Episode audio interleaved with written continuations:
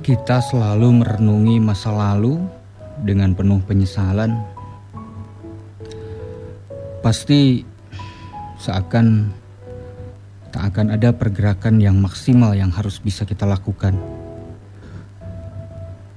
Namun sebenarnya ketika masa lalu kita penuh dengan kekesalan, penuh dengan kekelaman, penuh dengan kegelapan, sudah semestinya lah untuk masa depan kita harus mempunyai atau memiliki rasa optimis yang besar agar kita mampu meraih kesuksesan seperti apa yang diangankan, seperti apa yang diimpikan. Dan mungkin banyak hal yang bisa kita lakukan. Salah satu di antara banyak hal tersebut adalah menyimak, meminta, dan mendapatkan motivasi. Dan pada saat ini, Alhamdulillah, pengasuh bengkel keluarga, Mas Taufik, telah hadir seperti biasa menemani Anda di bengkel keluarga edisi hari ini. Tentunya bersama saya, Ardi Wiguna. Assalamualaikum, Mas Taufik. Waalaikumsalam warahmatullahi wabarakatuh. Salam sehat dan sukses selalu untuk Mas Taufik. Mudah-mudahan senantiasa dalam keadaan sehat walafiat. Amin. Allah ya Rabbal Alamin. Baik, seperti biasa silahkan untuk segera menyampaikan prolog kita sebelum nanti kita membuka forum uh, berkeluh kesah Mitra Rex FM yang mengirimkan SMS di 085521111037 atau di 026291011037. Baik para pendengar, uh, hidup ini indah Begitu kira-kira kesimpulan saya yang ingin saya tulis di awal. hidup ini adalah indah. Atau indah hidup ini sesungguhnya. Pendengar terkasih, dalam menghadapi kehidupan ini kita sering merasa hidup begitu menekan dan sulit. Berbagai pekerjaan membuat kita melewati hari demi hari dengan tekanan, dengan stres, dan itu terjadi berhari-hari. Seperti tidak berkeputusan.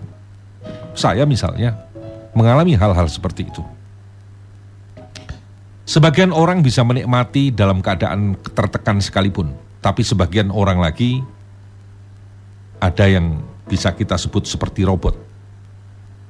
Nah, berbagai masalah membuat kita tidak mampu melihat hal-hal yang indah dan menarik dalam hidup ini.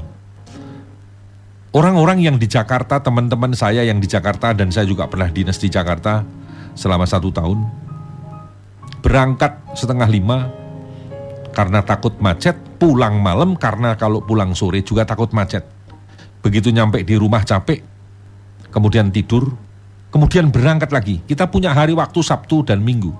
Sabtu dan Minggu itu kita gunakan sudah penuh karena ada pekerjaan-pekerjaan yang tertunda. Begitu setiap hari selama setahun. Para pendengar, itulah kenapa kemudian orang tidak lagi mampu melihat hal-hal yang indah, hal-hal yang menarik dalam hidup ini. Apalagi, apalagi bila kita ini tidak mampu memberikan refresh memberikan kesegaran, memberikan kecerahan hati dengan aktivitas kita. Bahkan kadangkala ada juga orang yang begitu putus asa sehingga mencoba mengakhiri hidupnya. Dia mungkin tidak sampai bunuh diri, tetapi dia lari dari keadaan yang seperti itu dan pelariannya itu adalah tempat yang salah bisa di tempat ujung ganggang sempit, bisa kelari obat-obatan dan bisa terpuruk jauh lebih ke dalam kelumpur kenistaan. Tetapi kalaupun tidak se ekstrim yang saya ceritakan tadi, para pendengar, banyak orang juga menjadi seperti robot. Melewati hari demi hari dalam rutinitas. Beberapa teman mungkin melihat seorang temannya seperti robot Pagi bergerak, sore bergerak, siang bergerak. Sepertinya tidak ada hari untuk bahagia. Nah, orang-orang yang melewati kehidupannya dengan penuh ketat eh, jadwal yang ketat seperti ini, itulah yang kita lihat kehidupan yang mekanistik. Kehidupan yang digerakkan oleh kepentingan-kepentingan yang tidak menyegarkan jiwa, tetapi menjadikan jiwanya mengalami pemutungan karena tidak pernah di-refresh. Ini yang disebut sebagai pemutungan jiwa. Melewati hari demi hari dalam rutinitas, tanpa gairah, tanpa semangat, tanpa harapan dalam arti yang sebenarnya, yaitu lari dari rutinitas kepada atau menuju hari-hari yang penuh kegembiraan, hari-hari yang indah. Para pendengar terkasih, satu-satunya cara untuk menjadikan hidup ini indah sesungguhnya adalah memiliki harapan. Dengan memiliki harapan, manusia mempunyai alasan untuk tetap melanjutkan hidupnya. Harapan membuat manusia tidak pernah berhenti berjuang. Harapan membuat manusia merancangkan langkah, mencanangkan sebuah langkah, merancang sebuah kegiatan yang detail untuk bagi kelangsungan hidupnya ke depan. Dia punya harapan untuk membesarkan anaknya. Dia punya harapan untuk akhir pekan dia menikmati harinya. Ini membuktikan bahwa sesungguhnya hidup manusia itu berharga karena di dalamnya terkandung nilai-nilai yang diperjuangkan. Jadi kalau orang sudah bekerja dari Senin sampai hari Jumat, kemudian Sabtu dia tidak bisa menikmatinya, maka dia terjebak atau terjebak pada kegiatan yang disebut sebagai mekanistis. Pekerjaan atau jiwa yang digerakkan seperti mesin. Tidak ada refresh, tidak ada sesuatu yang indah kecuali mengikuti gerakan-gerakan dalam kehidupan sehari-hari.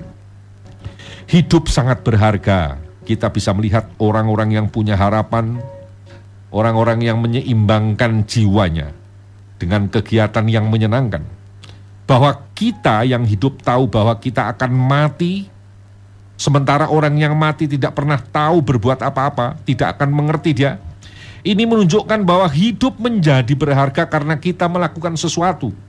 Orang mati tidak bisa berbuat apa pun. Berbuat sesuatu seperti untuk menikmati segala hal dalam hidup ini dengan sukacita kita juga senantiasa hidup dalam kebenaran dan keadilan dengan tetap menjaga kehormatan rohani kita. Jangan kotori rohani kita kalau kita ingin bahagia. Nah, semua hal ini memberikan penjelasan kepada kita bahwa hidup yang indah itu tidak diukur dari panjang pendeknya umur. Tidak juga diukur dari kaya miskinnya orang, tetapi bagaimana ia mengisi hidup.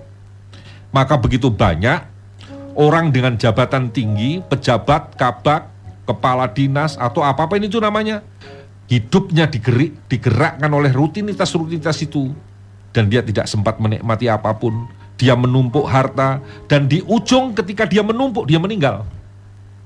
Celaka sekali. Dia tidak pernah menikmati apa yang dia upayakan. Nah, hidup menjadi berarti jika kita mengisinya dengan kerja, kemudian diimbangi dengan hal-hal yang indah. Saya tidak mengatakan bahwa menganggur itu indah. Jalan-jalan itu indah karena begitu banyak orang yang jalan-jalan juga tidak merasakan keindahan. Keindahan itu sederhana.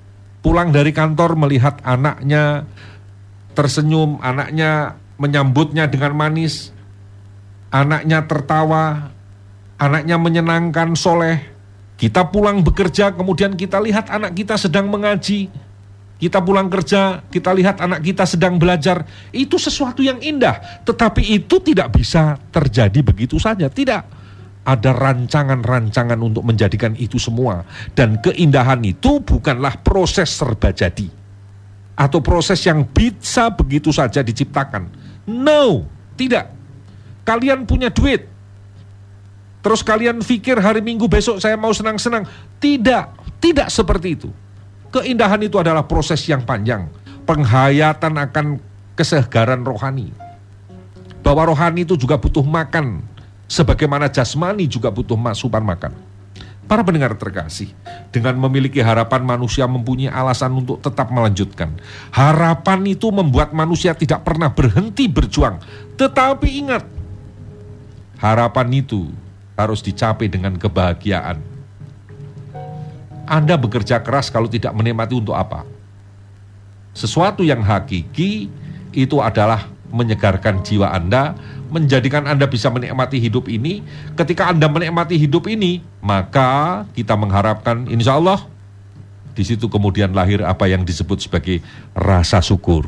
Para pendengar terkasih, saya hanya ingin mengatakan bahwa hidup yang indah itu adalah hidup dalam keseimbangan yang melahirkan rasa syukur.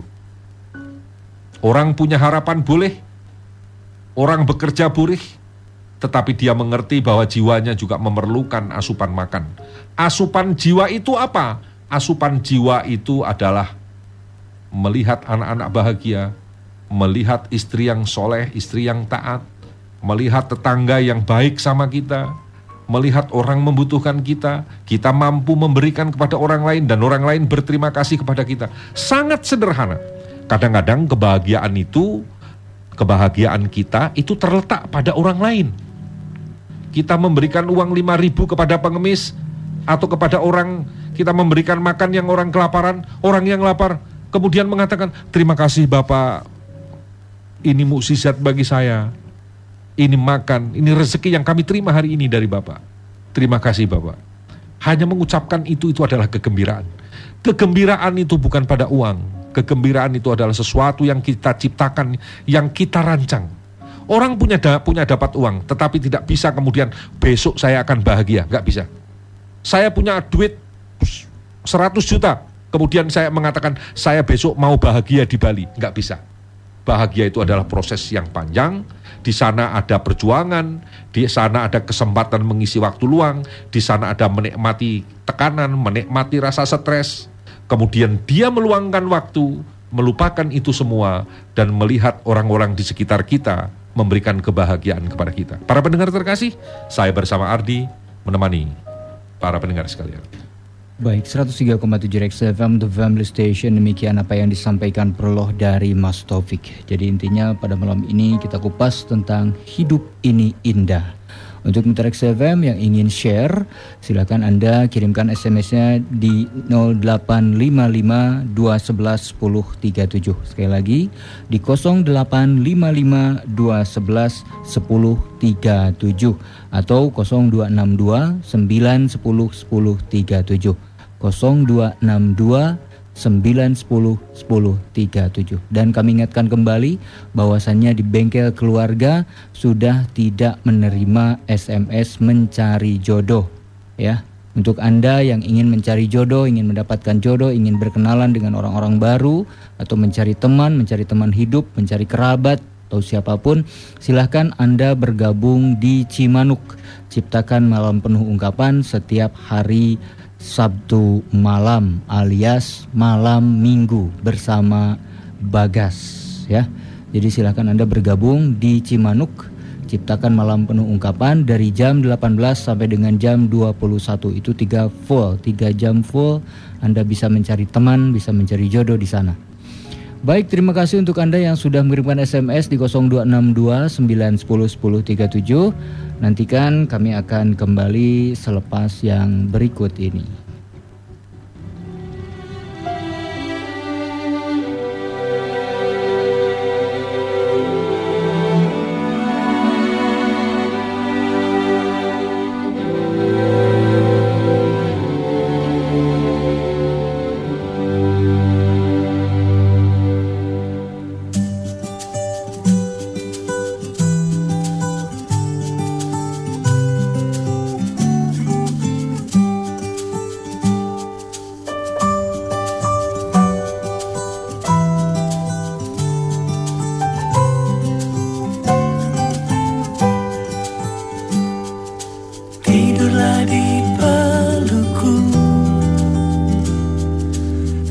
Jelaskanlah